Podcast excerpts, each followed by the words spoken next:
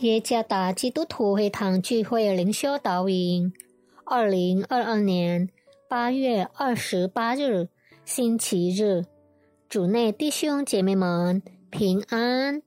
今天的灵修导引，我们会借着圣经哥林多前书第六章第十二到二十节来思想今天的主题：脱离淫乱。作者彭志堂牧师，《哥林多前书》第六章第十二到二十节：凡事我都可行，但不多有益处；凡事我都可行，但无论哪一件，我总不受他的辖制。食物是为杜甫，杜甫是为食物。但神要叫这两样都废坏。生子不是为淫乱，乃是为主；主也是为生子，并且神已经叫主复活，也要用自己的能力叫我们复活。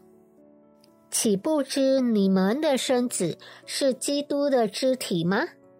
我可以将基督的肢体作为娼妓的肢体吗？断乎不可。岂不知与娼妓联合的，便是与他成为一体吗？因为主说，二人要成为一体。但与主联合的，便是与主成为一灵。你们要逃避淫行。人所犯的无论什么罪，多在生子以外；唯有行淫的，是得罪自己的生子。岂不知你们的身子就是圣灵的殿吗？这圣灵是从神而来，住在你们里头的，并且你们不是自己的人，因为你们是重价买来的。所以要在你们的身子上荣耀神。Johnny，化名，是一位努力工作的神之儿女。他已婚，并育有三个十几岁的孩子。他作为一名信息技术学科技术员的工作，可以说是相当成功的。总有委托给他的企划案，如果不是因为工作，他很少单独出城。Johnny 是一个负责任的丈夫和父亲，虔诚的人，不喜欢胡乱作为。直到有一天，他的手机上有一条 WhatsApp 提供在线约会的消息。起初，这只是一种有趣的尝试，但最终变得依恋。网恋女人成了他的情妇。淫乱的场景能出现在任何时代，在哥林多教会的时代也是如此。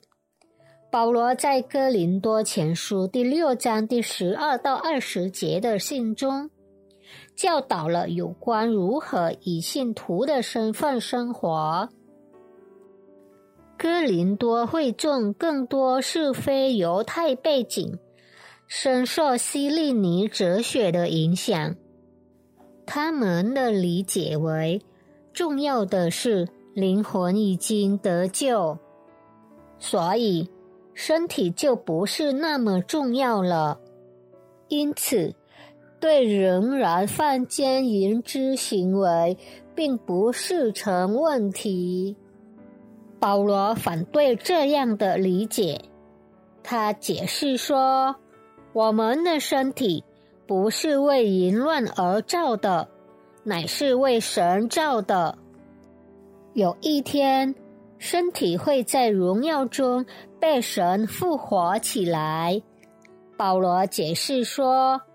他们的身体是圣灵的殿，神的灵住在其中。他们已经透过基督的牺牲重价赎来的。也就是说，他们的生命已不再是他们自己的了。所以，要在身体上荣耀神是必须的，不能活在淫乱中。今天。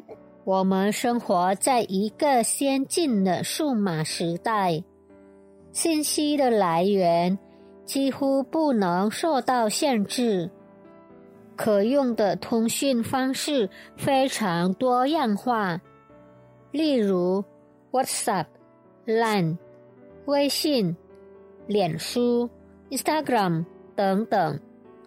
如果不谨慎，人们很容易陷入外遇的最终，也许是从普通的聊天开始，直到最后陷入其中。我之前提到的 Johnny，最初是对在线约会消息的有趣的回应，从相遇开始，直到被罪所捆绑，故此。理解基督的牺牲，并将其与保守肢体的纯洁联系起来，对我们来说非常重要。他的宝血使我们成为属神的人。作为属神的人，我们应该不断的寻求神的帮助，来保持生命的圣洁，并取悦神。不要再沉溺于罪恶之中，而要活在义中。以前我们活在黑暗之中，现在我们活在基督的光中。愿上帝赐福大家。